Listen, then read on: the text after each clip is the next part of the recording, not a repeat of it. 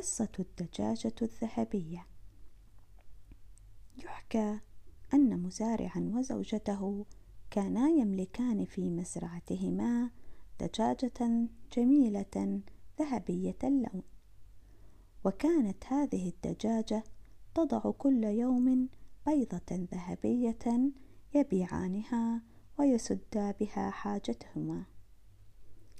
إلى أن فكر هذا المزارع يوما بأن يقوم بذبح الدجاجة لاستخراج ما يحويه بطنها من بيضات ذهبية.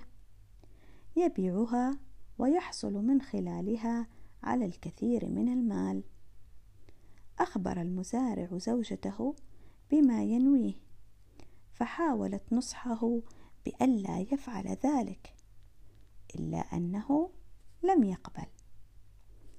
أعد المزارع السكين وشق بطن الدجاجة للحصول على البيضات الذهبية التي تخيلها. فلم يجد فيه إلا الدم والأحشاء. فجلس وزوجته يبكيان ويندبان حظهما. فقد خسرا بسبب الطمع دجاجتهما الذهبية التي كانت مصدر رزقهما اليومي.